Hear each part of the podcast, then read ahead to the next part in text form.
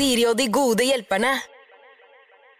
Det er søndag, og for eh, ja, bare noen eh, timer siden nærmest, altså i går ettermiddag, så kom jeg hjem fra eh, 24 hektiske timer i Gøteborg med min mann.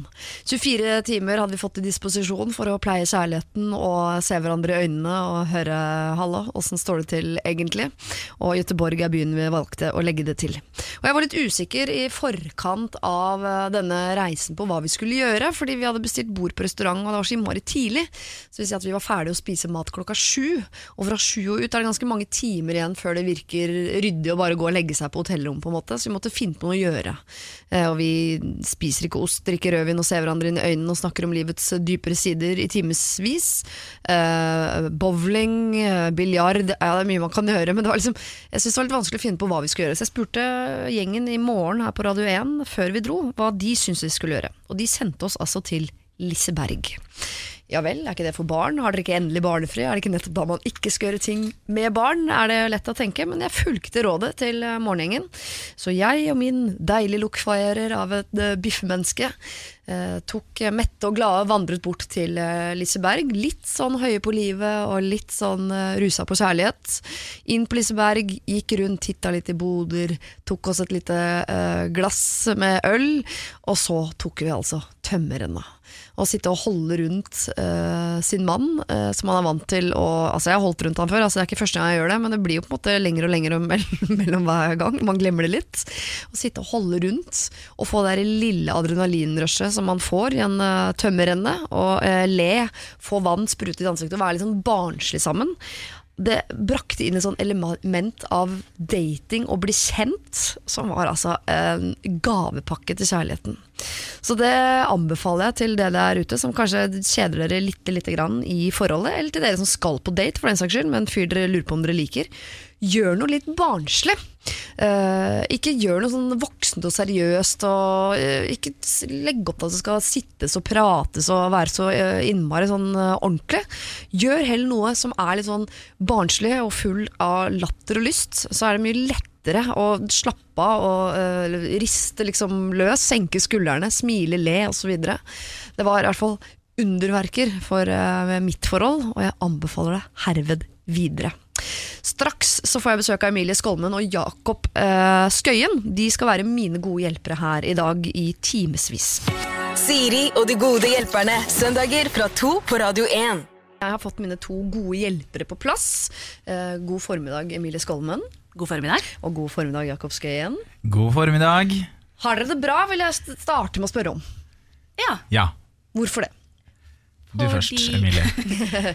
Nei, eh, først og fremst eh, en evig klisjé. Sola skinner, og det er jo helt nydelig vær. Ja. Og det blir jeg skikkelig, skikkelig glad av. Har du fri, eller jobber du nå, eller? Jeg jobber nå, Ja. men derfor setter man jo ekstra stor pris på eh, den solen man kan få. ja. Ja. Jobber du med, Er det hemmelig prosjekt, eller kan jeg spørre hva det er? Jeg Tror ikke det er hemmelig der. Den Otto har fått nok sesong to. Ja, Så jeg vet ikke. Spoiler! Men Ah, eh, shit. ja. Så det er fint, det. Ja. Eh, og så er jeg midt oppe. Jeg skal kjøpe, kjøpe, kjøpe, kjøpe, jeg skal kjøpe min første leilighet. Wow. Så det er kjempestas og skummelt. ja. Um, Alene? Ja. Ja. Mm. Det er noe skummelt man gjør, faktisk. Kjøpe leilighet. Jeg gråt og gråt og gråt når jeg kjøpte eh, leilighet. Fordi Fordi plutselig har man kjøpt noe til mange millioner kroner som man ikke har engang. Det føles jo helt riv ruskende galt. Jeg vet, og så aner man Ja. ikke hva man skal spørre Jeg har aldri følt meg så liten. Det er sånn, Jeg aner ikke hva man skal spørre om. Og så Først hadde jeg sånn Jeg vil ha rosetter i taket og fine gulv og sånne ting. ja, ja. Og nå har jeg blitt sånn Samme hva det er, bare det er en leilighet. For jeg får jo ingenting. Ja. Jeg håper det er do der, liksom. Ja. Ja. Men Går du rundt sånne banker i veggene og sier Nei, det sånn det- det- er det, Hvordan står det til med muren her? Og, eller Det er jo prøve det man må sånn? gjøre, fordi man skal jo kjøpe seg noe kjempedyrt. Men jeg tar med å spørre, sånn, spørre om ting som jeg har sett de spør om på boligjakten. Liksom. Sånn, uh, Endelig kom er det boligjakten til ja. Hvor kan vaskemaskinen stå? Jeg ikke til, ja. så, så det er kjempeskummelt. Er det vater dette badegulvet? Er det sånn? Jeg har ikke, pe- jeg har ikke peiling. Jeg, tør- jeg tør Men jeg kan godt ta med det hvis det er en Vater, viktig ting. badegulv, at badegulvet er vater, eller i hvert fall så du må få vatra opp uh, vaskemaskina. Ja, men er det ikke det at det ikke skal være vater? Det skal vel helst jo- ikke være vater da. Det skal ja. jo ned mot sluket. Ja, jeg mener ba, men uh, ja, jeg må ikke være med. Det er poenget. Dette er poenget. Men, ba, men vaskemaskinen må være vater, vel? Den bør stå i vater. Men da må Det er noe av det viktigste. ja, dette, mm. Er du i jobb nå, Jakob? Jeg er eh, mellom, Mellom, så ja. frilans eh, og få utnyttet maksimalt vær, da Ja. I motsetning til Emilie, som først må jobbe og så utnytte vær. så går jeg bare på 100 vær. Men du har ikke vært offer, offer for NRK-streiken, du? Du Jeg har ikke, ikke vært liksom offer for det. Nei, Nei, for jeg jobber ikke der, og jeg er ikke journalist, så da er jeg ikke heller i streik. nei, da er det vanskelig. Da er du offer som TV-serie Ja, er offer som seer, ja. ja, ja, ja. Som bruker. Men da, sånn sett har det vært veldig praktisk at det har vært såpass bra vær. Ja. For da har jeg ikke måttet sitte inne og fersken for å være arg for at ikke de sender eh, etter schedule, som jeg er vant til. Lineær TV, slik som TV skal, være. Ja, jeg Ja. liker det godt, ja. Ja. Men jeg må spørre om en ting før vi går over på andre menneskers problemer. Og det Mm. er altså det faktum at dere to er i slekt. Stemmer. Hvordan henger det sammen? Det var ei gammel tante en gang baki. Nei, altså, uh, min mor Mm. uh, er kusine med Emilie sin mor. Så de er kusiner, så vi er tremenninger. Ja. For jeg gikk inn på Wikipedia og søkte opp uh, Skolmen-slekta. Uh, er, dere har egen Wikipedia-side som Er heter Skolmen-slekta. Ja. Og der skal sånn som Anne Rygg også ja. var en del av deres slekt. Oh, ja. Men det er jo min mors søster. Og det er din mor. Nei. Nei, Det forstår jeg ikke. Det er, for det er en søster til. Jeg skjønner ingen, men jeg Altså- skjønner ikke selv hvem som er fetterne mine. Så Min mor Hege jo- Hege har moren en Hege. søster, Hege Skøyen, har en søster som heter Anne Rygg. Ja. Og en søster som heter Lisa Rygg. Og så har de da en kusine som heter Tine Skolmen. Mhm. Eh, fordi min, altså mor til mor, min Mm. mormor, Eli Rygg, hun har en bror. Nei, ikke bring inn El i ryggen. Ja, men ikke, ikke Portveien 2 Eli Rygg, den andre Eli Rygg. Hun har en bror som heter Jon Skolmen. Ja. Og han har en uh, sønn og en datter som heter Christian Skolmen og Tine Skolmen. Ja. Og Hvorpå Tine, Tine Skolmen. hvorpå Tine Skolmen Ja. tok i rennafart og fikk seg en Emilie Skolmen. ja. Ikke sant. Og Tine Skolmen er altså uh, um... Min kusines søster. Å, det er bra det er lenge til jul! Det er det jeg trenger å si om dette. Ikke at dere- noen av dere får gaver av meg til jul, men Tegn gjerne det familietreet vårt og send inn til eh, Radio 1. Og jeg skjønte hvem som var relatert til hvem i Twin Peaks når det gikk på TV i sin tid, så at ikke jeg klarer å fatte dette, er jo ganske utrolig. Eh, men jeg godtar at dere er i slekt. Ja. Et eller annet sted uti der. Tusen uten at jeg nødvendigvis fortsatt føler meg noe tryggere på hvordan. Eh, men dere skal få lov til å løse eh, problemer nå i noen timer eh, framover. Og vi starter litt lett hvert øyeblikk med noe som er vel mer et slags dilemma enn et reelt problem. Siri og de gode hjelperne. Mail oss på siri at radio1.no. I uh, Siri og de gode hjelperne i dag så har jeg med meg Emilie Skolmen og Jakob Skøyen, som jeg akkurat har funnet ut at er i slekt. Eller jeg visste det før dere kom, altså. Men jeg skjønte ikke hvordan, og det skjønner jeg fortsatt ikke. Bestemoren min har altså Nei. Men uh, vi skal ta tak i et uh, kort lite problem her. Det er en som har sendt inn. Hei! Jeg og min roomie bor i en leilighet i Bergen, der de på den andre siden av gården kan se rett inn i vår stuekjøkken. Jeg er en nudistaktig type og sprader mye rundt. Min roomie sier at eh, hun har ikke problemer med dette, men hun mener at jeg må ta hensyn til naboene. Hva mener dere? Det er nærmest et ja-nei. Skal man ta hensyn til naboene når man sprader rundt? Her tenker Jeg for jeg, er, eh, jeg har aldri tenkt på meg som en nudistaktig person, men jeg går mye naken hjemme. Ja.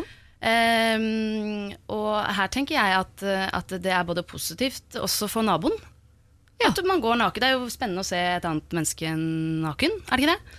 Men hadde du Det var blitt sånn sur vi lærte om nakenhet før. i hvert fall. Ja, kanskje ja, det. Ja. Men kan man da bli sur hvis naboen står og glor? Ja, ikke sant? Der får du et lite dilemma.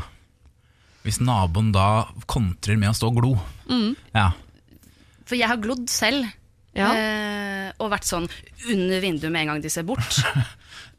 Men eh, jeg vet da søren, ja. Hva som er riktig og galt. Jeg har hatt litt sånn, jeg, Der jeg bor, så har jeg hatt litt sånn der, Nei, jeg, jeg går ikke naken inn i stua, liksom, fordi det er så, mange, det er så innmari Det er en kjempeblokk Ja. på en måte på andre sida.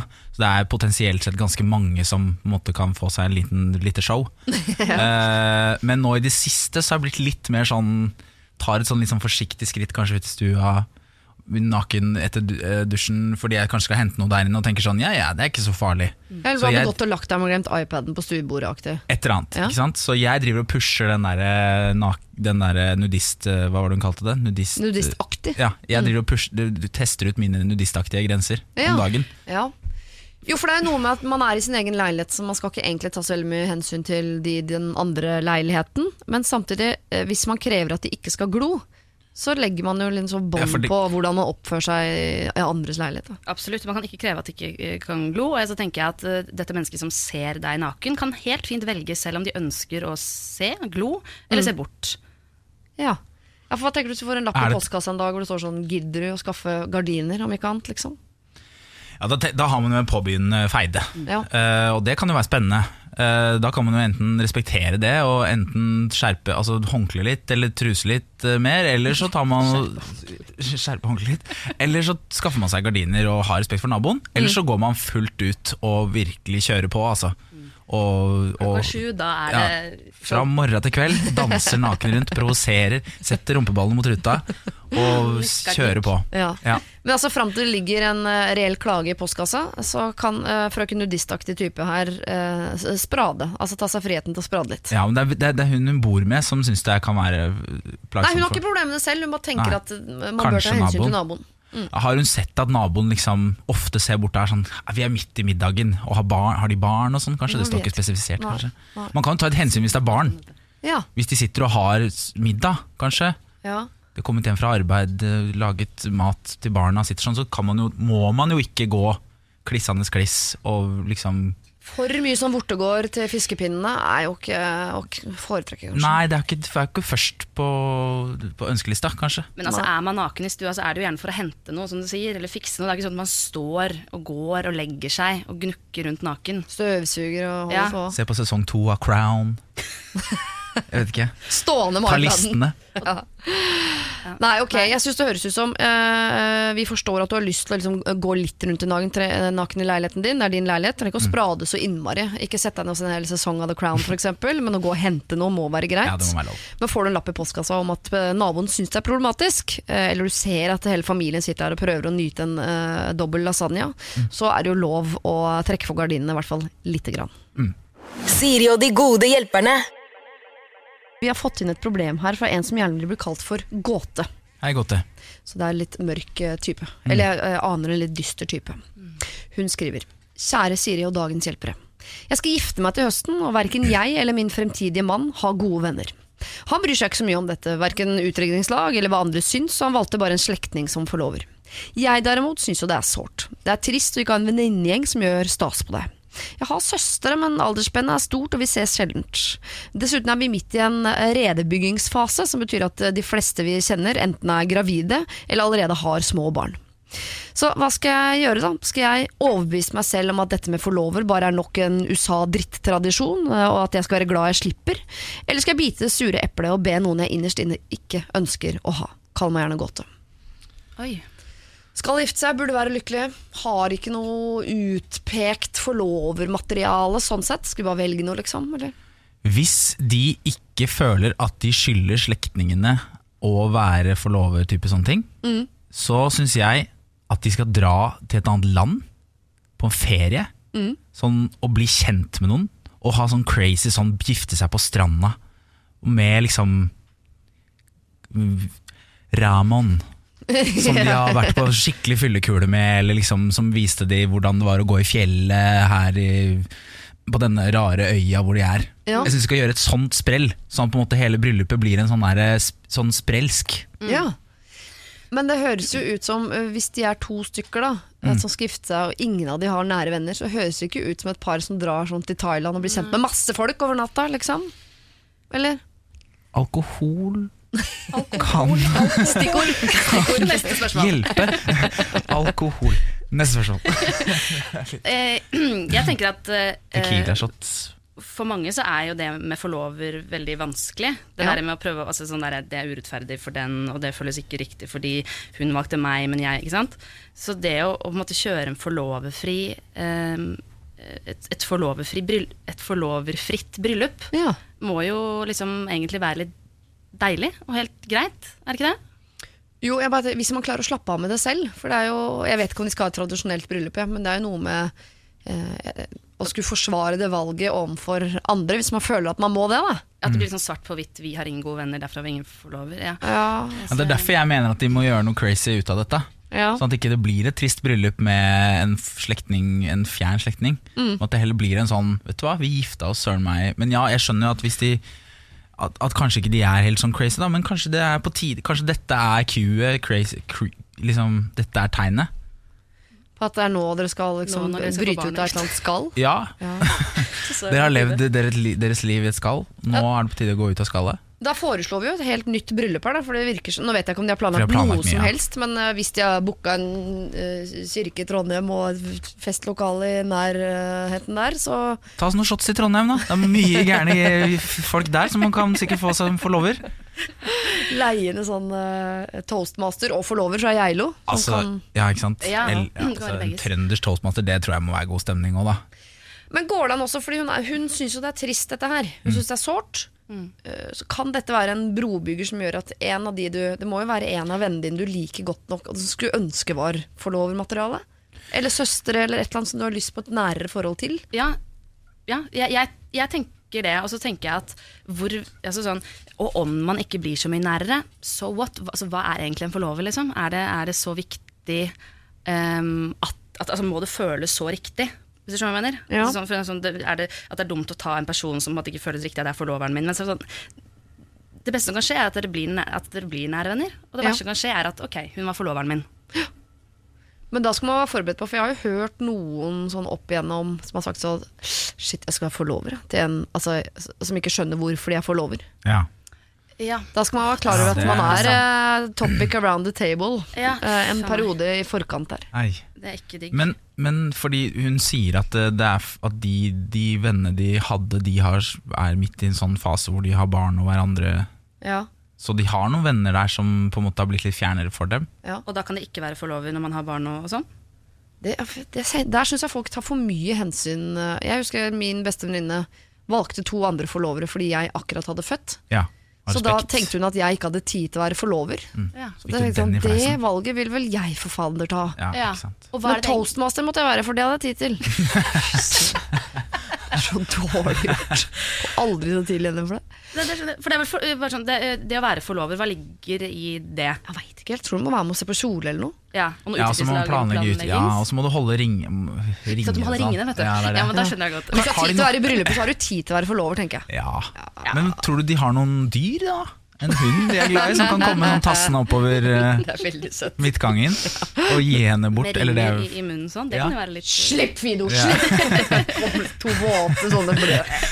Det er et alternativ. Det blir en sånn viral eh, hit, det. En YouTube-greie. Og pang, så er de venner. Internettvenner, kanskje. Flykte internettvenner. Internasjonale millioner av internasjonale venner. Så Ja. Ellen DeGeneres Show. Bang! Gåte det er selvfølgelig et eh, alternativ eh, som skisseres her. Men hvis ikke dere allerede har booket kirke og den slags, så syns jeg det høres ut som det beste alternativet her er, for å hoppe bukk over alle disse problemene, at dere drar til utlandet og gifter dere, dere to. Og treffer dere to, en uh, Jorge og en eh, et eller annet Jorgine. Jorgine.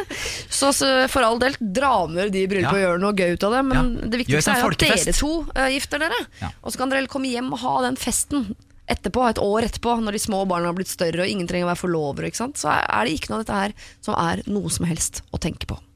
Siri og de gode hjelperne. Mail oss på siri at radio1.no. Emilie Skolmen og Jakob eh, Skøyen, vi skal eh, nå til et problem som jeg innbiller meg at dere ikke har vært borti. All den tid du Emilie, allerede har sagt at du er i ferd med å kjøpe din første leilighet. Og nå spurte jeg ikke deg, Jakob, hvordan du bor, men jeg ser ikke for meg at du bor i rekkehus med platting og tujahekk. Jeg gjør ikke det. Nei. Jeg bor i leilighet på Grünerløkka. Ikke sant. Pulserende. Er klisjé, det greiene der. Pulserende gryta. Ok, men dere har hørt om platting? Å ja. Ja, vi skal til et plattingproblem. Jeg blir gal! Nå har jeg mast i fem år om å få platting. Dette innlegget er forresten sponset av Max Bonanza. Eh, Jeg er så lei å føle at jeg er om bord Titanic hver gang jeg skal spise ute. Kopper og tallerkener må ha borrelås under, eller så seiler de av bordet. Det er riktignok i motbakke det går oppover, oppover, men det får da være grenser. Jeg sjøl har 10 000 tommeltotter, og jeg har en mann med store planer, men dessverre ingen gjennomføringsevne. Hjelp meg, Siri, hvordan løser jeg dette? Hilsen en som ikke trives i bakker, kall meg hva du vil. Da kaller jeg deg for en som ikke trives i bakker. Jeg tror nok hun ønsker at jeg skal dra og bygge denne plattingen for deg, for jeg prøver å skape meg et image der jeg er ekstremt handy, Ja. som er en sannhet med modifikasjoner. Ja, okay. Men hvordan kan man overtale noen til å gjennomføre noe som de har snakket om i mange år? Trenger ikke å være platting. Kan være hva som helst. Oi, dette var, et noe, dette var noe nytt, ja. Ja. Ikke gå for hardt inn i plattingmaterialet. Ikke, altså, må, ikke tenk materialer og, og sammenføringsmetoder. Mer fenomenet hvordan få til noe man har snakka om. Ja. gjennomføring osv. Og mast og mast og mast. Det er en klassiker, det der. da Ja. det er, Jeg har jo ikke klart å henge opp lampe på soverommet mitt. Jeg har bodd i leiligheten min i fem år, Ja. og det henger fortsatt ingen taklampe der. Jeg har den i eh, boden, den lampen, ja. men den er ikke hengt opp. Hva er det som stopper deg? Det er at jeg Det er liksom De gangene jeg trykker på den bryteren sånn fordi jeg tror det skal være lampe, Du håper at den skal ha montert seg selv? Jeg håper at den har montert seg sjøl. og så er det sånn Nei, ja, det går jo greit. Jeg har jo den der nattbordslampa her, liksom. Så skrur jeg på den, og så, så ordner det seg. Det er et vindu der jeg kan se. Jeg må ikke ha den taklampa. Nei. Så det er ingenting som pusher meg Det er ingenting som virkelig pusher meg. Det er ingenting som virkelig krever at sånn, nå må det skje. Men her er det jo virkelig en som sitter i bakke og spiser. Det ser forferdelig ut. Men, kan jeg, men eh, ja, for hun hadde 10 000 tommeltotter, neglesprett og haglvotter. Ja, haglvotter. Ja, hun haglvotter. Ja. Ja. Og det er under deres verdighet å leie arbeidskraft til å gjøre Nei, dette? hun har nevnt det at å leie inn noen mens han er borte kan være et alternativ, men hun er redd for at hun dreper det lille han har igjen av maskulinitet. Altså Dette forholdet har større problemer enn platting, men Ok, ja, det eh, her er det en som maser og en som er drittlei. Det syns jeg jeg hører. Men kan man gjøre det likevel?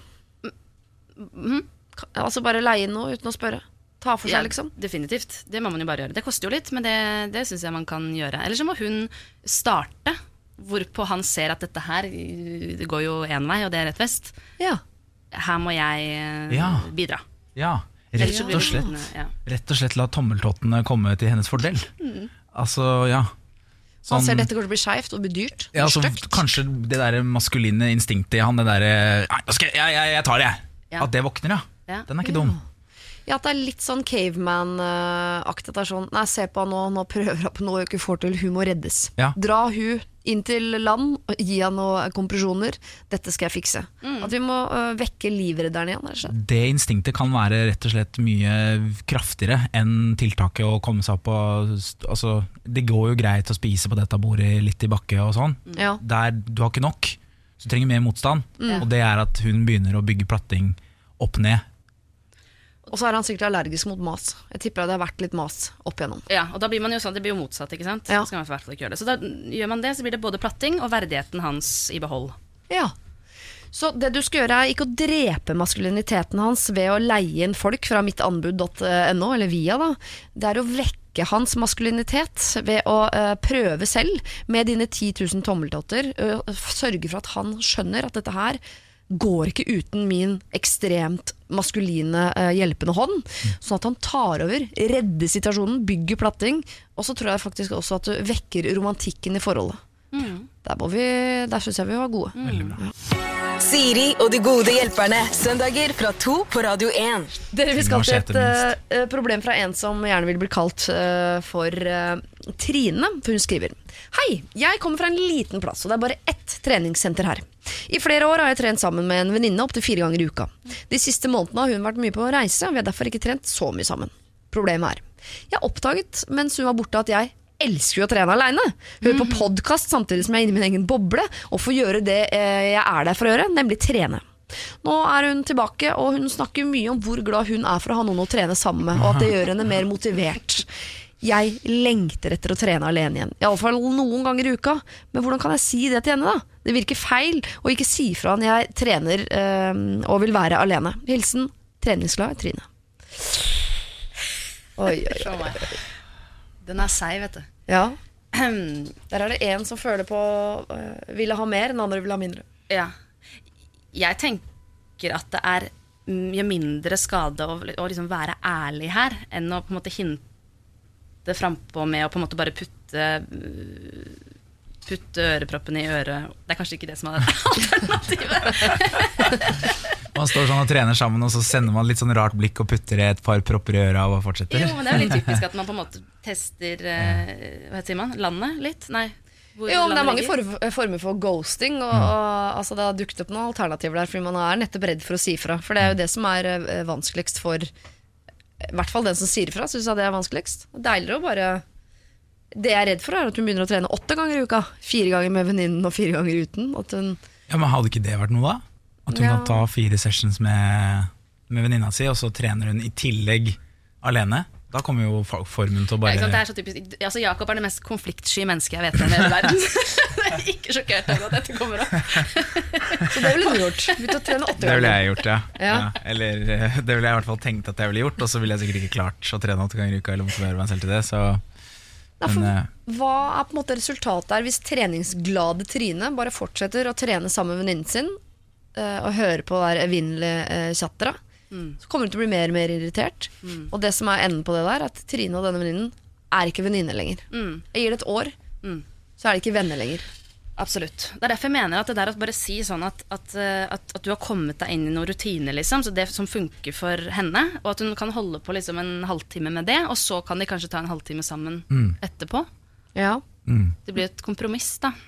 Men um, Altså Det kommer jo an på hvor gode venner de er. Da. Så, men jeg, jeg føler at jeg kunne sagt til mine bestevenner at liksom sånn, vet du hva, jeg syns det er jævlig digg å gjøre det litt alene òg, jeg. Jeg føler jeg får gjort litt mer, liksom. Det er veldig hyggelig når vi gjør det, men jeg føler jeg får fokusert litt mer. Så. Jeg føler jeg kunne sagt det, ja. men det høres ut som noen som er litt sånn og vi to holder sammen på det eneste treningsstudioet i sted her hvor vi bor, og at det er litt sånn vanskeligere At det blir litt sånn mer dramatisk å skille lag. ja. Men så føler jeg også at man eh, overdramatiserer ting litt også. Liksom. At det blir, altså hun tenker masse på dette, og så kanskje hun andre. Nei, hun syns Ja, hun, var, hun Hun gledet seg gledet seg. veldig. Hun, ja, hun gleda seg. Skulle, ja. Jeg blir så motivert, ja. Mm. Men det høres jo også ut som om Trine er kanskje flinkere til å trene, og så har hun en venninne som egentlig kanskje ikke er så glad i å trene. Hun liker å skravle. Og hadde aldri i verden vært på et helsestudio hvis ikke det var for at Trine var der. på en måte Og da kan du tenke at du redder venninnen din òg, fra å Mm. bli tjukk. Nei da. Ja, For jeg er hun andre, på en måte, i Ja. forholdet her.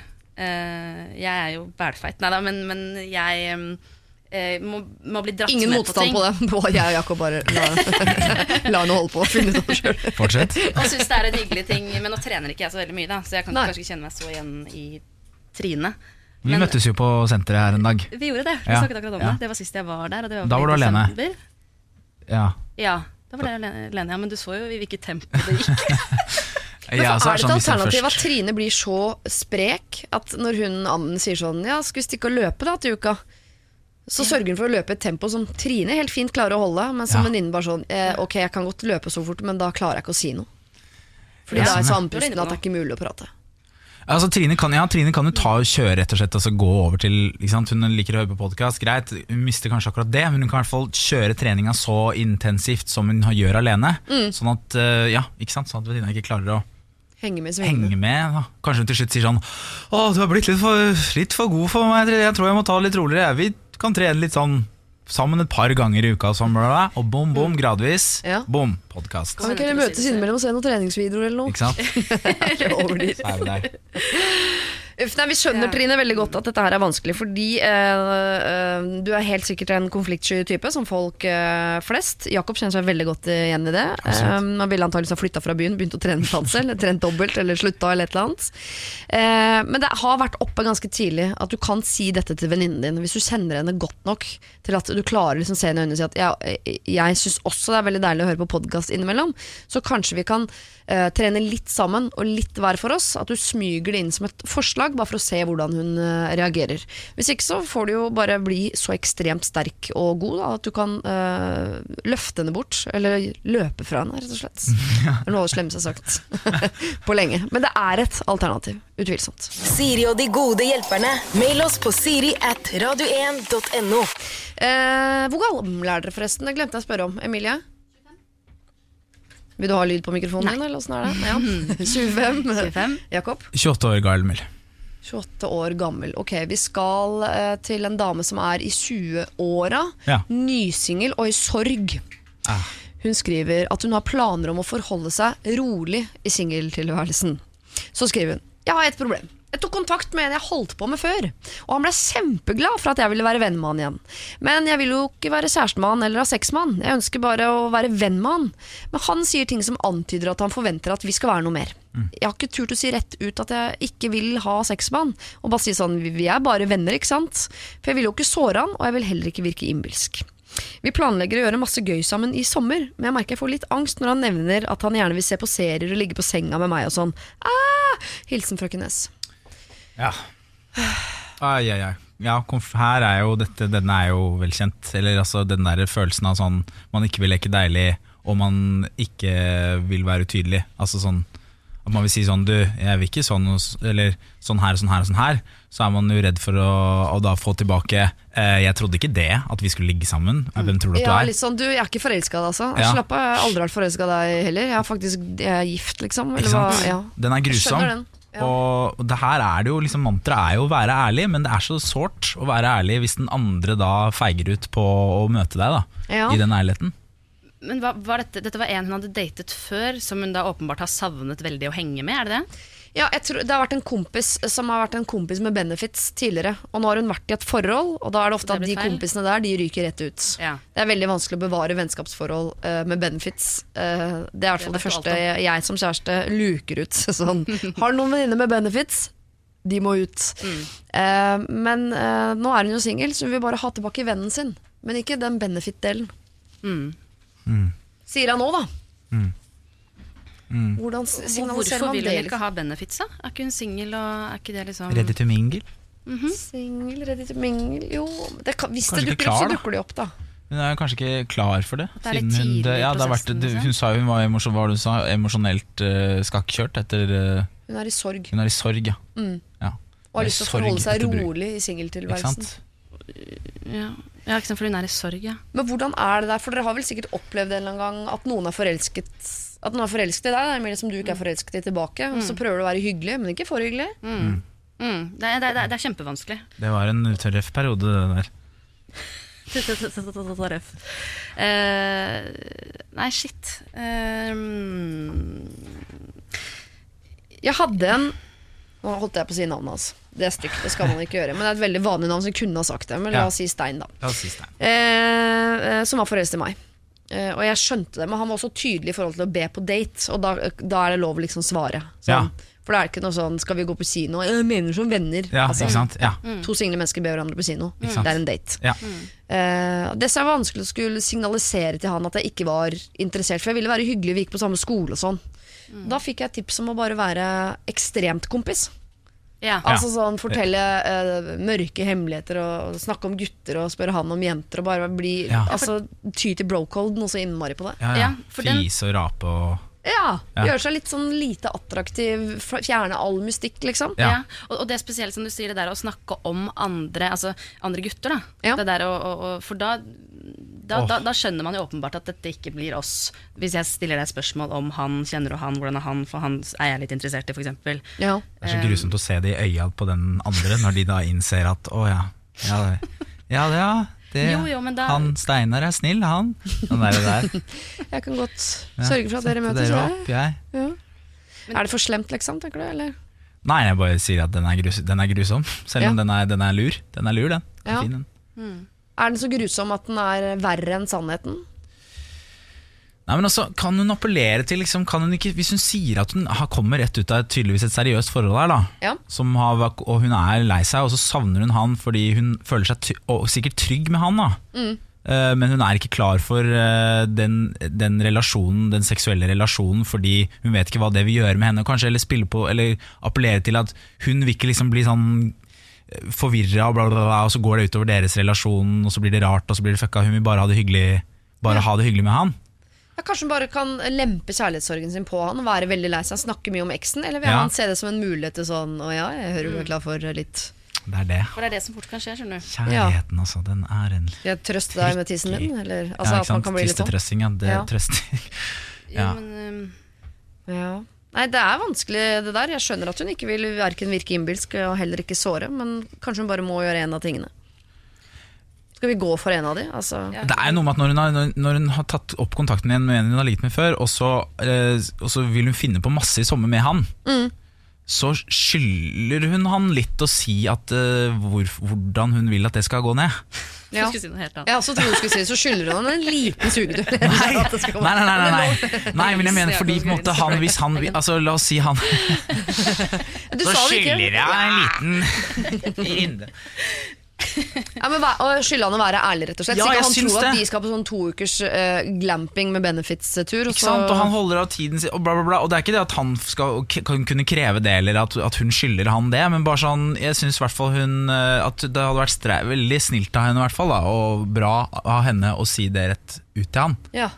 Siden han nå eh, på sikkert gleder seg. Han har savna henne, han digga å være friend med benefit med henne. Mm. Kanskje, kanskje han kan bli såret av at hun ikke vil benefitte nå, bare vil være venn. Kanskje det blir, det kanskje blir hans verste sommer noensinne. Ja. Hvor han bare må drive, være med henne, og så nei, han har vil sett ikke for det. seg noe helt ja, annet, han- ja. Ja, Vil du ikke benefitte? ja, hva gjør vi nå? Bennekukke. Og så Det, er ordspill, det ligger noe ordspill der. og Det lurer. ligger, eh, Men eh, frøken S, kanskje du da eh, rett og slett skal ta, før denne f- sommeren med alle disse planene, at du tar en forventningsavklaring, rett og slett. Mm, Hvor begge rett og slett må legge på bordet. Hva er det du tenker at vi skal få ut av denne sommeren?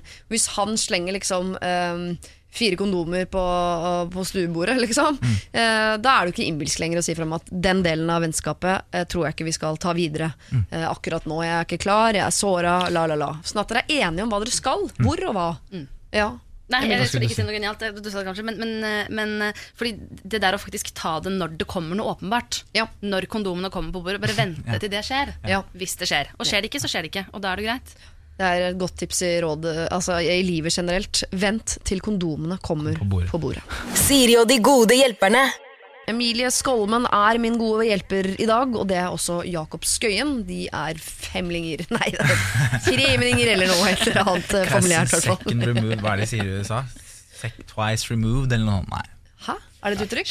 Aldri hørt om. Nok om det. Nok Nok om det. Gå gjerne inn på nettsiden min Og les. og les mer. Dere, Vi skal til et sexrelatert problem. Jeg vet ikke hvordan det er for dere som er i samme familie å kunne snakke om uh, slike ting. Uh, men jeg uh, leser det høyt, og så ser vi hvordan det går.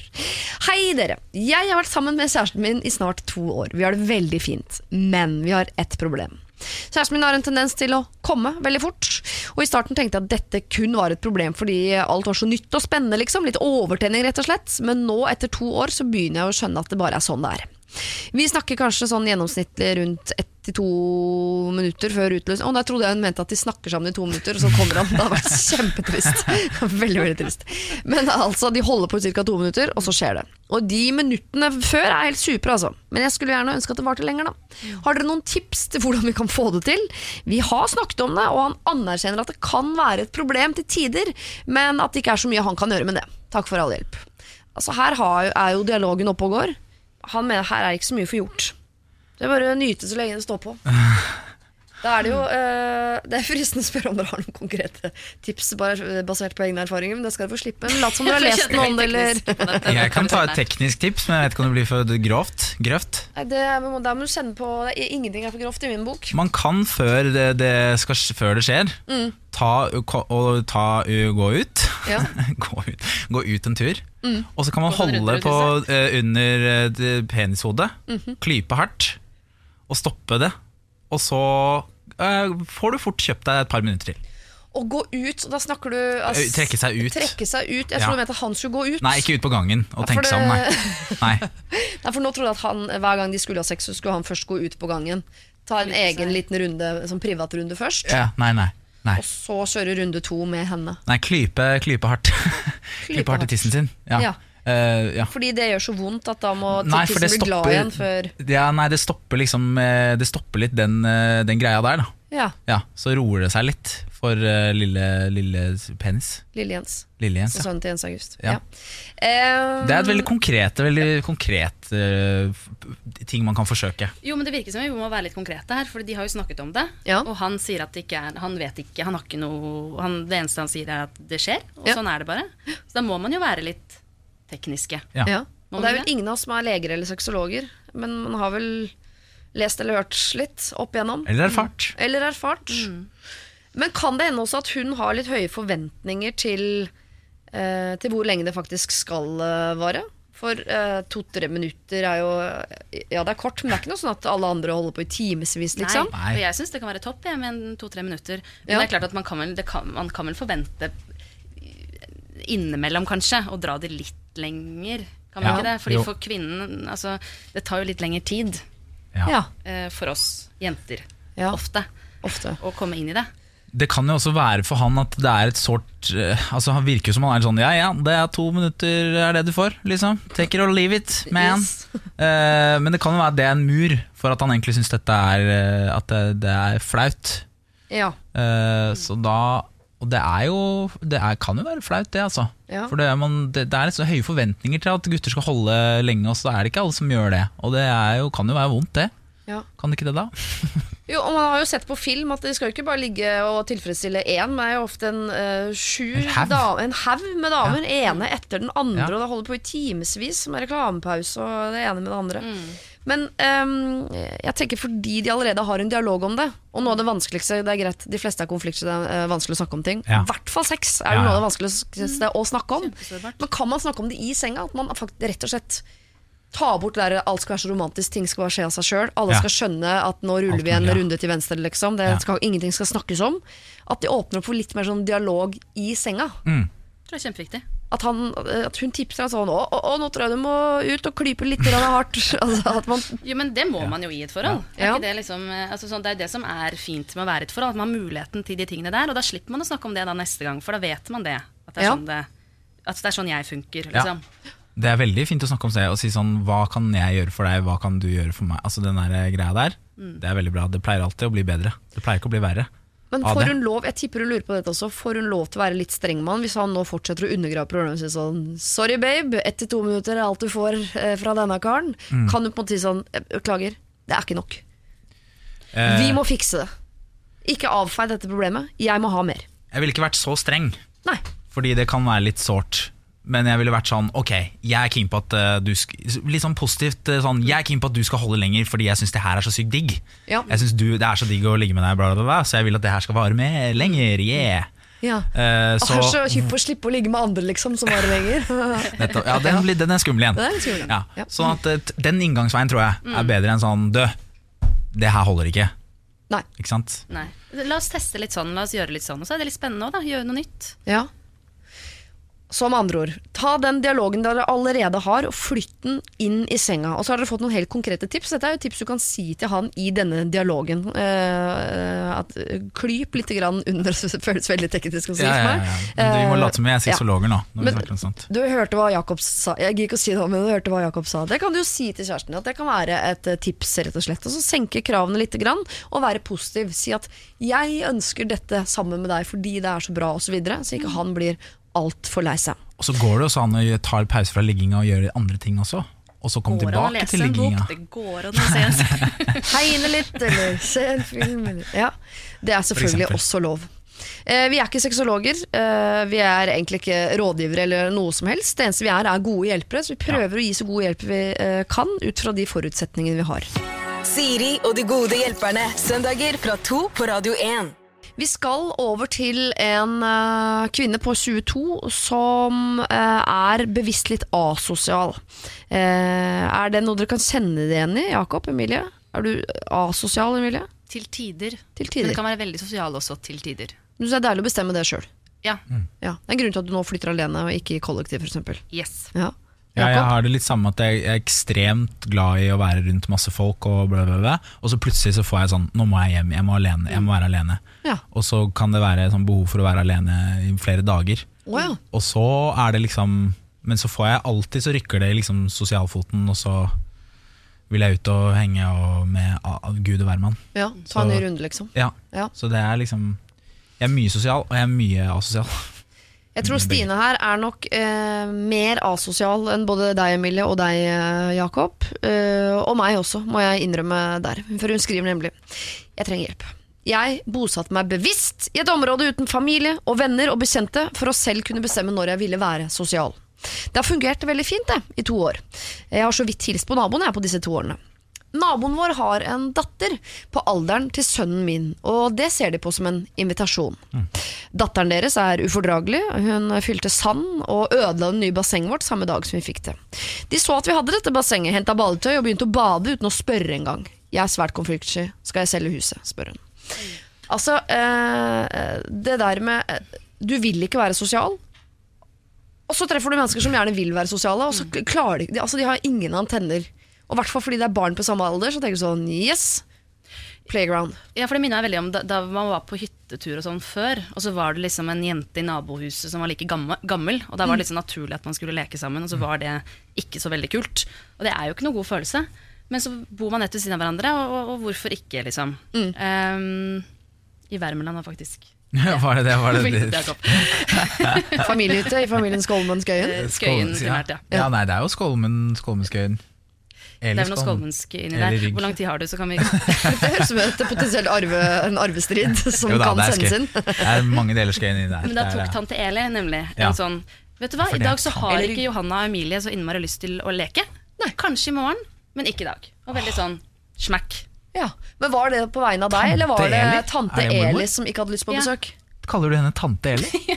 Lærer nye ting om familien. Hun kaller min, jeg, mor, min mormor hun Ja. kaller henne tante Eli. Eh, Emilie kaller henne tante Eli.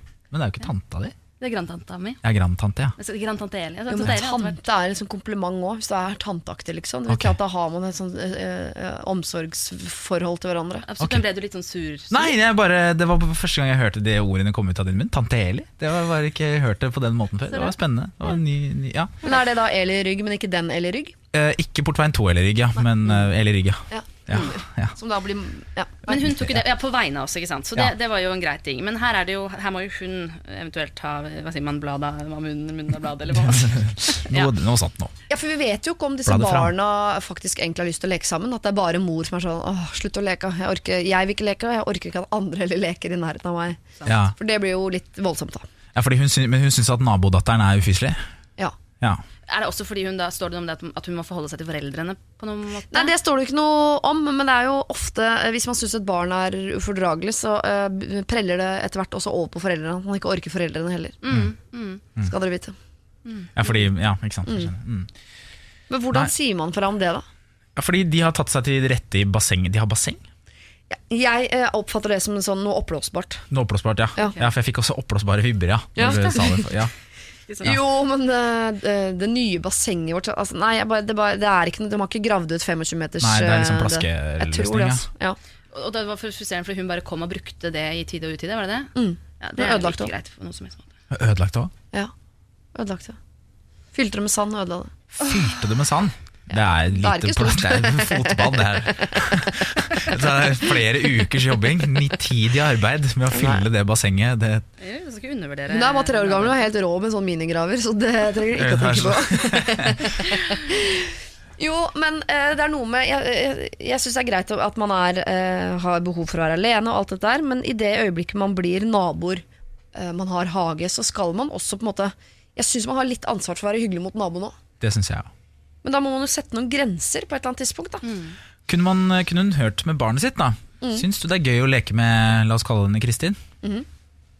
Og hvis barnet sier 'åh, jævla dritt, hun fyller sand i bassenget mitt', Mm. så har man jo kanskje Øh, Nei, det Ok, ja, oss, da vet jeg ikke hva man gjør. Hvis, Så la oss håpe hun ikke svarer det. så la oss håpe det ikke svarer. Ja. Hvis barnet hennes sier 'Å, det er så gøy, hun er så morsom, vi har det så gøy', bla, bla, bla, Ja. så må du kanskje bite i det litt sosiale, sure sosiale eplet, Mm. og, og liksom Ja, barnas beste først, da. Ja. Kanskje. Det kanskje- sier jo jeg som barnløs. Jeg vet da faen, jeg kanskje har blitt dritirritert sjøl.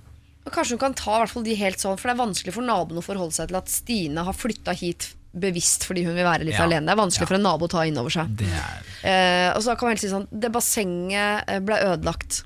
Eh, kanskje dere kunne erstatte det? Eller hvis datteren deres er veldig veldig mye hos oss, kanskje vi kan dele litt på At det er hyggelig om kanskje vår sønn kan være litt hos dere. At vi Dere får et sånt basseng, og så kan han komme over til dere litt. Og så. Ødelegge det, ikke Ja. sant? Og så har vi det gående. At man blir enige om å dele litt på det. Mm. For det vil jo si, hvis Stine, hvis du innimellom har besøk, så betyr det at du innimellom også får, får fri fra ditt eget barn, hvis det er lov å si. Det er jo enda mindre sosial. Ja. Ja, men er ikke det en fin ting, da? For hun vil jo ikke altså, det, er jo hun, det, må jo ikke gå, si, det må ikke gå utover barnet at hun er uh, asosial. Nei. Ikke sant? Eh, men hvis det barnet kan leke hos de, så må jo det være en fin greie. ja.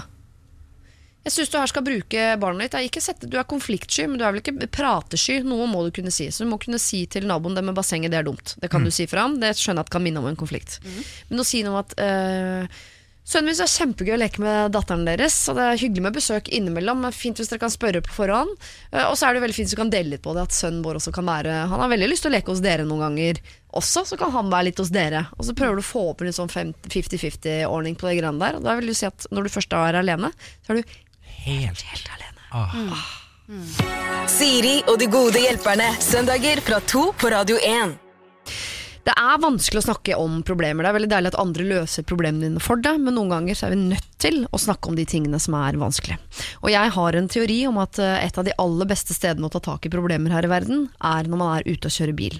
Fordi man slipper å se hverandre i øynene, man må ha fokus på andre ting, man er i et lukket rom, eh, det er bevegelse rundt, så det føles ikke for statisk, men det er allikevel eh, ro nok og trygghet nok til at vi som er inne i bilen, vi kan snakke om dette. Det er også en time limit på man vet stort sett cirka hvor lenge man skal sitte i bil, så man vet at nå må jeg enten gjøre meg ferdig på fire minutter, og så har jeg på en måte fri fra dette problemet, eller nå skal vi kjøre i timevis, så her kommer vi skikkelig grundig til verks i det vi vil snakke om.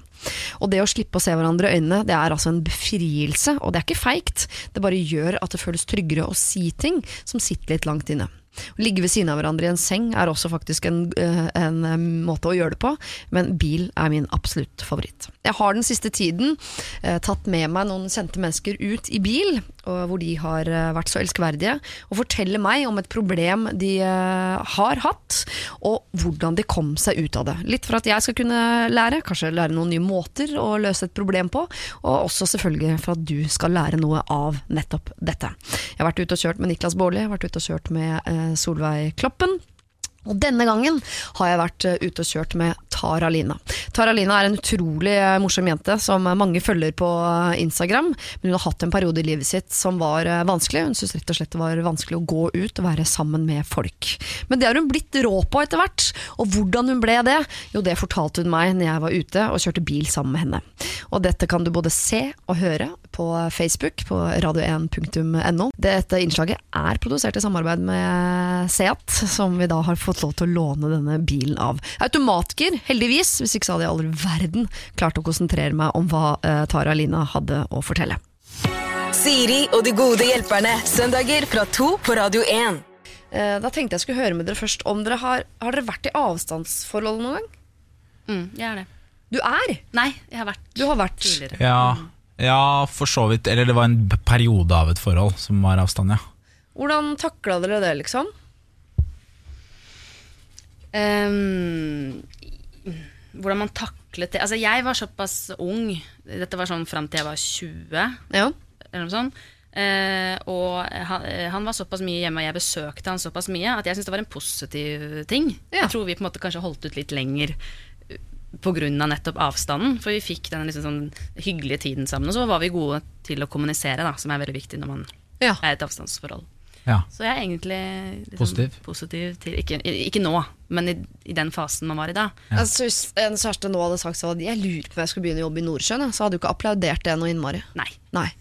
Ja, for det var min drømmemann i mange år, at jeg skulle ha en mann som bare var hjemme en måned av gangen, og så forsvant han. Så det høres helt nydelig ut Ja, med en måned for meg sjøl. Ja, men så møter man jo et menneske man har lyst til å være med, og Ja. da kjenner man jo at ikke man vil det kanskje likevel. Det er det man gjør. Mm. Det er det man gjør. Ja, men det, jeg, jeg, er litt, jeg syns også den er, er fin, altså den der tanken på sånn åh, være sammen sånn fokusert, og så få, få den der asosiale ti- tiden sin også. Ja. Men eh, jeg, det, da jeg var i avstandsforhold, så Eller det var ikke avstandsforhold, det var ikke et avstandsforhold, men jeg hadde et år da jeg gikk på Romerike folkehøgskole. ja.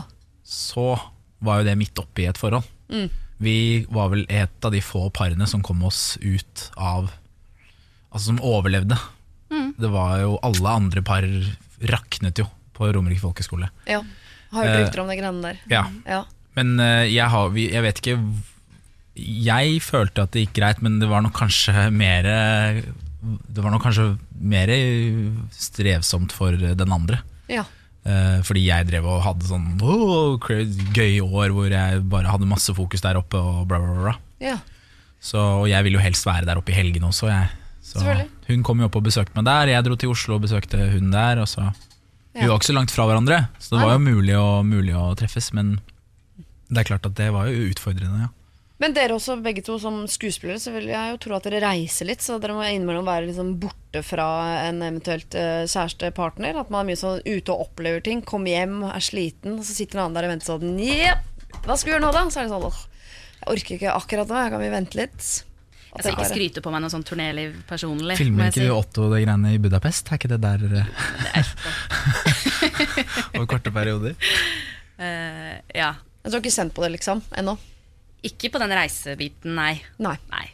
Man kjenner på jobbebiten. Ja. At sånn, man jobber, man jobber eh, veldig lange dager og jobber mye, og man jobber kreativt, så man liksom har litt vanskelig for å skru av. Og da kan det være litt sånn når man først da skal ta pause, så kan det være vanskelig å liksom skjønne at man selvfølgelig har en annen man skal eh, tenke på. ja underholde. Ja. Åh, Sett på klovnenesa igjen. Åh, Å, være klovn! Alle arenaer i livet. Ja, slitsomt. Stine nemlig kjenner litt på dette her. Hun er i et slags avstandsforhold. Det vil ikke si at de bor hver for seg, men han reiser mye og opplever mye, og hun føler ikke at hun får den tiden hun trenger med han. Eh, Jeg skal lese problemet, så skal vi eh, spille litt musikk, og så skal vi se om vi kan prøve å hjelpe Stine etter det. Hei. Jeg og min kjæreste har vært sammen i åtte måneder og er veldig forelsket i hverandre. Begge studerer musikk, og jeg vet godt hvor mye jobb og tid det krever. Han er utøvende på scenen, og jeg er mer bak scenen og holder på med låtskriving osv. Han har alltid øvinger eller reiser bort på spillejobb, og problemet er at jeg ofte føler meg bortprioritert. Nesten 80% av tiden vi er sammen, er det sent på kvelden etter at han har kommet hjem fra øvelse eh, som han har vært på. Jeg føler at jeg alltid passer på å ha tom timeplan. Jeg vet at han er ledig, men at han bare kjører på med sin timeplan og er sammen med meg når det er litt tid til overs. Jeg vil jo ikke være en masete og slitsom kjæreste og be han takke nei til spillejobber for å heller være sammen med meg, men jeg fortjener jo også å bli prioritert. Jeg vet at han elsker musikken, og jeg unner ham for all del å holde på med det, men han elsker vel meg også?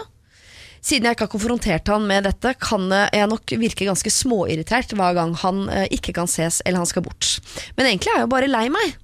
Skal jeg si noe eh, til han om dette, eller må jeg bare finne meg i det? Og hvis jeg skal si det, hvordan skal jeg få han til å forstå at jeg vil ikke ta fra han musikken? Jeg bare ønsker at han prioriterer meg også iblant. Kall meg gjerne Stine. Da er det jo vondt, Stine, at også jeg nå skal prioritere musikken. Jeg skal spille musikk, men så lover jeg, og dette har du sikkert hørt før, etter det, Stine, etter det, så skal vi prøve å hjelpe deg. Siri og de gode hjelperne. Jeg, Siri Kristiansen, sitter midt i et problem. Jeg har bedt Emilie Skålmann og Jakob Skøyen om å hjelpe Stine, som er sammen med en musiker. Selv er hun låtskriver, men kjæresten som er musiker, er mye på spillejobb eh, og er mye borte. Og hun føler at han alltid prioriterer musikken, at hun blir sittende og vente på han, eh, at han aldri prioriterer henne foran musikken. Og hun syns det er greit. Hun vet at det krever mye. Hun vet at han elsker musikk, men hun vil også liksom ha følelsen av at han innimellom kan prioritere henne, og at han elsker henne like høyt som musikken. Hvordan skal Stine få kjæresten til å forstå dette uten at han tenker sånn åh, skal du ta fra meg musikken min? Kommer ikke til å skje. Ja. ja. Nei, vil du gå? vil du ta det? Vil du gå? Vil du begynne? Altså. Nei, altså, vil, vil du kjøre? Vil du kjøre? Vil du Vil du kjøre? kjøre? Dette er velkjent. Ja. Eh, selv opplever jeg at når jeg jobber med ting jeg jobber med, så blir jeg så oppslukt av det at jeg mister helt uh, uh, Mister helt synet rundt meg. Eller jeg mister helt sånn fokus på ting rundt. Eh, kall det gjerne en boble. Det er så liksom lidenskapelig, fordi det er ofte sånn med sånne kreative arbeid som musikk og han som spiller og bla, bla, bla, så er det jo ofte sånn at måte, du kombinerer jobb og hobby. Som gjør at på en måte, du, det blir jo da ikke bare jobbe og så hjem og så fikse på hobbyen sin. Du, du, all tiden går med til det arbeidet. Ja. Og det høres velkjent ut, bare det der å glemme tid og sted og på en måte bare dyrke det greiene der. Da. Og det er jo sårt. Det er jo leit for den andre. Men sånn må det vel være også på mange måter, for du kan jo ikke gjøre den jobben halvveis. Det er det. Nei. Og det som er veldig skummelt, da, det er å bli en sånn, et sånt offer. Altså at, at den andre personen bare sitter der og, og, og alltid kan, på en måte. Ja, og, og klargjør alt. Og, og er litt sånn snurt. For da er det ikke noe Da har man ikke lyst heller til å, å komme hjem. Det blir en negativ ting. Og man har dårlig samvittighet, liksom. Ikke sant? Så da, da prøver man liksom å, å heller gjøre noe annet. Eller eh, jeg bare kjenner meg veldig igjen i det at, at um, jo mer jo mer man sier sånn Ja, ja, men jeg bare sitter her, ja, du er bare borte. Og jo mindre har man liksom lyst til å, å komme hjem. Og så er det også det at um, man vet at den andre personen alltid sitter her. Så du, du trenger ikke, Tanken trenger ikke engang å liksom, Oi, kanskje man skulle gjort sånn istedenfor sånn, for da kanskje hun eller han kan. Ja.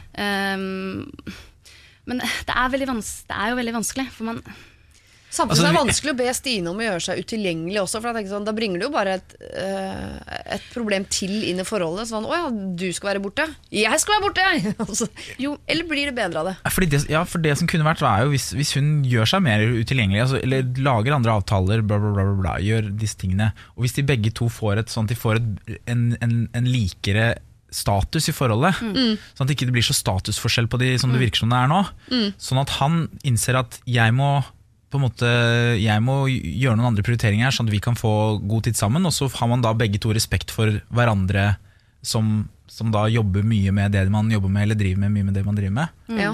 Men da må jo selvfølgelig Stine, var det det Ja. vi skulle kalle henne? Ja. Ja. Da må jo selvfølgelig hun måtte, finne på mer jobb eller ting, da.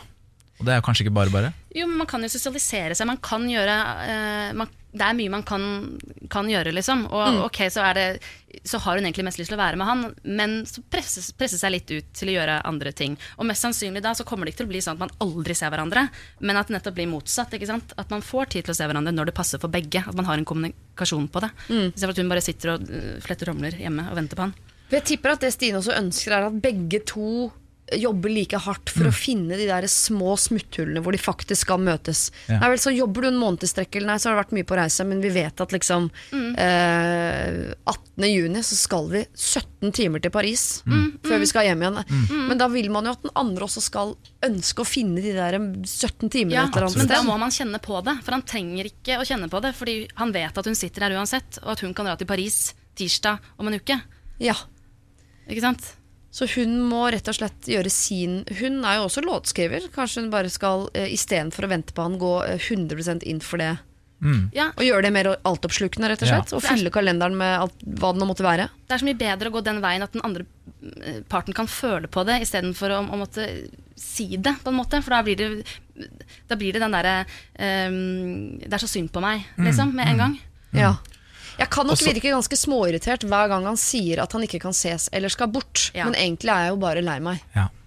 Den er, det der kan vel ødelegge det forholdet litt. Absolutt. Den biten der. Og det er ikke det at vi skal gi eh, hun all eh, Altså på en måte at det er alt sammen her nå er opp til henne. Han må også gå inn i seg selv og tenke sånn Er, er jeg kan jeg være i et forhold når jeg holder på sånn som jeg gjør med jobben min? Når jeg prioriterer jobben min som beinhardt. Det er lov å være ærlig på det. Ja. Det er lov å si jeg har behov for å dyrke det 100% Og så må man bare innse at da har ikke jeg tid til å gi den jeg er med, nok av meg.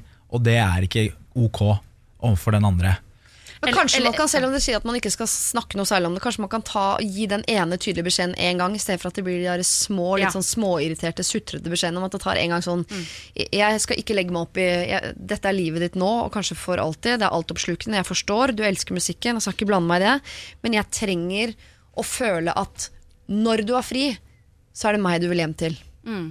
For det er et ansvar han også har, å få Stine til å føle seg nok elsket at han er verdt å vente på de gangene hun føler at hun venter på han. da Absolutt. Definitivt. Istedenfor å gå For det, jeg tror det skumleste for et forhold er den derre å gå og bære litt nag, liksom. Og, og, og, og, og den andre man, man, Det er ikke alltid man skjønner hverandre, og man tror jo at, eh, at den andre personen skjønner hvorfor man er som man er. Ja. Og så blir man en dårlig versjon av seg selv, og det vil man jo ikke bli. Nei. Nei, og den der som du sier da, den der dårlige samvittigheten, Emilie, den er jo liksom sånn det, hva, Hvor kvalitetstid vil det bli hvis ikke han mener at han vil prioritere det når han først har tid? Hvis han skal Mm, late det. som han prioriterer det, og så er han egentlig sliten, eller han, og hun sitter og er litt småirritert, og han får litt sånn dårlig samvittighet. Altså sånn, Mm. det, må, det, det trengs en annen greie inn her. Eh, og ja, hun, her kan Stine eksempel prøve å gå beina for, for Eller prøve å gjøre seg mer utilgjengelig sjøl, og se om det vil ha en effekt. Så kan man si fra tydelig også. Uh, en annen ting som også kan være mulig, er uh, Vent, da, hva var det jeg tenkte på nå? Det har vi kanskje ikke tid til. At jeg sitter og tenker. Kan jeg bare få fem? Jo, jo, jeg tenkte på Siden hun sitter og komponerer, siden hun er- driver med musikk, hun òg. Ja. Og jeg skjønner at det her kan jo høres eh, litt sånn her Kanskje vi skulle laget en sang sammen, vi to? Sånn kjærestesang. Men kanskje det kunne vært noe? Altså Noen ganger så jobber man i det samme feltet, og så har man ikke lyst til å jobbe sammen. Eller bla bla bla, Det kan være mange grunner til det Men når de først har samme interesse, kanskje kvalitetstid mellom de to kan være noe annet enn spise middag, se et TV-serie, være du og jeg sammen, kjærestene. At det De kan være kreativt. jobber, liksom. Ja, Ja. Kan ikke de sette seg ned og skrive en sang sammen, liksom? Og så er plutselig det kvalitet, og så spiller han den live, og så kommer hun på konsert og ser sangen de har laget sammen.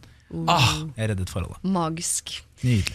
Stine, eh, nå har du fått masse hjelp og masse råd i dette her. Og eh, det er selvfølgelig da eh, to stykker som er på den andre siden av problemet, på en måte, som hjelper deg her, men som også kan si noe om hvordan det er. Det er altoppslukende. Eh, man må eh, være der, og det kan være vanskelig hvis man føler at den tiden man kommer hjem til, er mer småirritert enn at det blir kvalitetstid. Da får man dårlig samvittighet, vil kanskje ikke hjem, osv. Så, videre. så det er veldig farlig. Det må du eh, passe deg for. Ta og eh, Fyll kalenderen din med de tingene du liker å gjøre, og så håp at dere begge to, når dere først har fri, så vil dere aller mest i hele verden tilbringe den lille tiden sammen. Siri og de gode hjelperne. Dere, eh, og når jeg sier dere, så mener jeg eh, Emilie Skøyen og Jakob. Der, vet det du. måtte skje. Der, det måtte skje. Ja. Emilie Skålen og Jakob Skøyen. Snakket om det tidligere i dag, at det kom til å skje på et tidspunkt. Bestemoren min er da altså Eli. Det er tante Eli for Ja. Emilie. Ja. Der er vi. Der er dere. En vakker dag så skal jeg forstå det. Ja. Eh, men jeg har godtatt det, og det er kanskje det viktigste. Jeg har sagt allerede i dag at eh, vi er inne i en um, sesong full av uh, bryllup. Eh, så det er mye bryllupsproblemer. så mange hensyn skal tas, mye man gleder seg til, men også en del ting man gruer seg til, både som gjest, brud, forlover osv. Så, eh, så vi skal til eh, dagens andre eh, bryllupsproblem. Her står det. Jeg trenger råd angående et bryllup. Min barndomsvenninne skal gifte seg for andre gang nå i sommer, og jeg og kjæresten min er invitert, og vi har sagt at vi kommer. Tingen er at kjæresten min har ikke lyst i det hele tatt, og egentlig ikke jeg heller. Han kjenner begge to, men han hadde nok ikke blitt invitert om ikke han var sammen med meg. Jeg kjenner som sagt bruden veldig godt, men vi har glidd litt fra hverandre de siste årene, og hun har en tendens til å bare kontakte meg når hun vil noe. Typ barnevakt. Noe jeg alltid svarer ja til. En annen ting er at for andre gang har hun valgt noen andre som forlovere, og ikke tenkt på meg i det hele tatt. Vi har vært venner i typ 20 år. Jeg har ingen problem med å ikke være forlover, men er såra. eh, Og i hvert fall når jeg hører grunnen for valget denne gangen, som var at hun, eh, som hun har valgt, da, stiller opp mye. At hun bare følte at hun måtte velge henne. Jeg bor i et annet fylke, så vi ser ikke hverandre like mye nå, eh, men mest når jeg er hjemme på besøk. Så skal vi begge bite i det sure eplet og gå i dette bryllupet? Skal bare jeg gå? Skal vi droppe hele greia? Hilsen M. Her er det jo skissert noen uh, alternativer, men uh, droppe hele greia, skal vi begynne med det? Er det greit? Eh, Fordi Jeg har jo ikke lyst. Men er ikke bryllup gøy liksom uansett, da? Eller er det ikke det? Jeg har vært veldig lite i bryllup, jeg. Jeg har også vært veldig lite i bryllup, men de bryllupene jeg har vært i, så må jeg innrømme at jeg har kjeda meg ganske mye. Okay. Men folk sier at det er veldig gøy. Ja, ikke sant? For det skal være god mat og godt å drikke og, og fest, liksom. Ja. Ja. Men så er det sikkert ikke sant? det er tallene, og så har du jo de formelle tingene. Ja. Han er ikke keen på å dra, hun er jo litt bitter. Ja. Hun er litt bitter i sin her. ja. Hun har ikke noe problem med å ikke være forlover. Nei, Noen men- åpenbart har i og med at hun snakker om akkurat det. Men bare innmari, innmari såra. Jeg syns det er litt problematisk akkurat det der. Men Alt det får vi ikke gjort noe med. ikke. Eh, M kommer ikke til å være forlover i dette bryllupet. Det får vi ikke fiksa. Nei.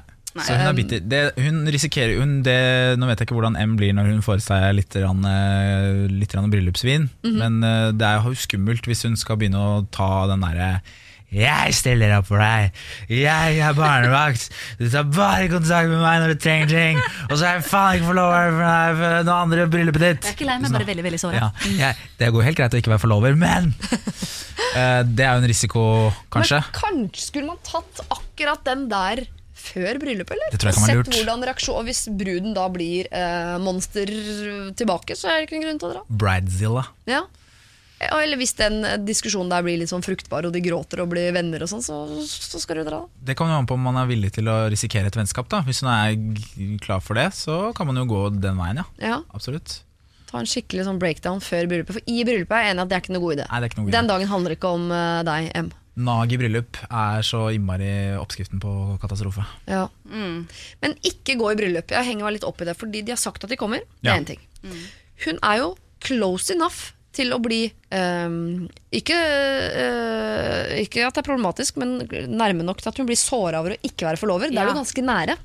Da syns jeg det virker rart å ha som alternativ å ikke gå. Ja, men det er derfor jeg mener, det, det, det virker som en sånn slags prinsippgreie. Ikke Ja. sant? At, det, at, at, ikke sant? at hun bærer nag. At det, er en gru, det, det er ikke bare fordi at, At vi er ikke så gode venner lenger, og derfor gidder vi ikke å komme. Ja, at det er Ja. et slags signal. Ja. Uh, At det er som hevn. Ja. Jeg gidder ikke å komme heller. Jeg er litt sånn. Sorry, M, nå gjør vi deg grusom, men, Og det, men kan han få slippe å gå, da? Det er jo morsommere å gå i bryllup uten partner. Ikke fordi man skal gjøre ting som ikke er lov, men bare ja, er det det? to stykker som er litt sånn irritert, liksom. De kommer jo til å fyre hverandre opp i Men de kan jo, irritert er det ikke masse gratis drikke sånn de får en fin kveld sammen? da? Jo, kanskje. Aldri tenkt på. Ja, De kan jo utnytte gjestfri, eller altså utnytte slabberase. Ja, Og på en måte spise så mye de bare klarer, drikke så mye de bare Jo, klarer. men Pynte seg litt for hverandre. Spise, drikke, bli fulle. Ja. Sitte og nage et sammen. Ja. Gå på dass og være nag. Ja. Ja. Ehm, jeg syns det virker litt barnslig å liksom ikke dra. Og ikke dra. Ja, for det er som du sier, når det er såpass Det er ikke mange eh, jeg kunne vært forlover til. Nei. Det er noen få.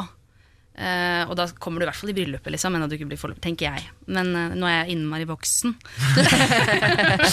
Og har et rimelig godt moralsk pass, så eh, så det blir vanskelig for meg å sette meg inn i det. selvfølgelig Jo, men jeg er helt enig i det. Hvis du tenker at her burde jeg vært forlover, Ja. så syns jeg ikke det er et alternativ å ikke gå. Nei, jeg er enig i det.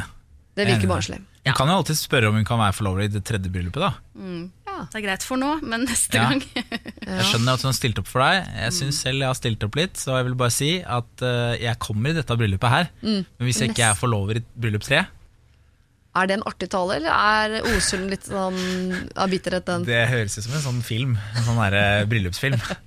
Nei, nå er det min tur til å tale! Nei, det skal jeg gjøre! Jeg er veldig glad i deg, men Men ja. Ok, så gå i bryllupet, eh, og eh, kjenn litt på det sjøl. Om du er av typen som tenker at eh, ofte så har jeg det morsommere når jeg ikke har med kjæresten, eh, så gjør du det. Men hvis dere kan se på at dette her kan være en mulighet for dere to eh, til å sitte og nage litt sammen, selvfølgelig, men også drikke god drikke, spise god mat, eh, være litt sånn pusete den kvelden med hverandre, så syns vi at dere skal gå begge to. Det er ikke et alternativ at dere begge to dropper bryllupet. Det syns jeg er det viktigste ja. ut av Så kan man baksnakke litt, og det er jo litt gøy. Det kommer nærmere hverandre. Ja, og dere to blir, det er dere to som blir kveldens par. Ja. Sånn er det bare. Siri og de gode hjelperne. I tillegg til å gi hjelp, så skal vi gi handlenett med eh, heiarop på handlenettene. Og jeg vil først gi ut noen handlenett før eh, du Emilie og du Jakob skal få lov til å sende ut hvert deres. Jeg vil sende et uh, handlenett til uh, disse to roomiene som bor i en leilighet i Bergen, der den ene ønsker å sprade rundt naken, men er usikker på om han bør ta hensyn til naboen. Jeg vil sende et uh, handlenett til deg, uh, Gåte, som skal gifte deg, men har ingen soleklar forlover. Og vi har jo bedt deg da stikke til Thailand eller noe, gifte deg der. Gjøre det utradisjonelt. Gjøre det på en måte som gjør at du ikke trenger noen forlover i det hele tatt. Så vil jeg sende et handlenett til deg som ikke har platting. Jeg er veldig frista. Heller sende en platting, selvfølgelig, men uh, handlenett uh, får duge denne omgang. Og til Trine, du som gjerne vil trene alene, men som har en treningsvenninne som uh, vil være med hver eneste gang, og du vet ikke hvordan du skal få sagt fra at du foretrekker podkast og ikke venninnen din på treninga. Så vil jeg sende til eh, frøken S, eh, deg som er 20 år og nysingel og i sorg, som har tatt opp kontakten med en gammel kompis, som tror at det å ta opp kontakten med deg igjen antageligvis også betyr at dere skal ta opp den andre delen av kontakten, som er av mer seksuell karakter. Eh, apropos seksuell karakter, så ønsker jeg å sende et handlenett til deg som har hatt kjæreste i to år, som bruker ett til to minutter før utløsningen kommer, noe du syns er problematisk, men han så langt i dialogen mener at eh, ikke er et stort problem, og bare noe du må eh, leve med.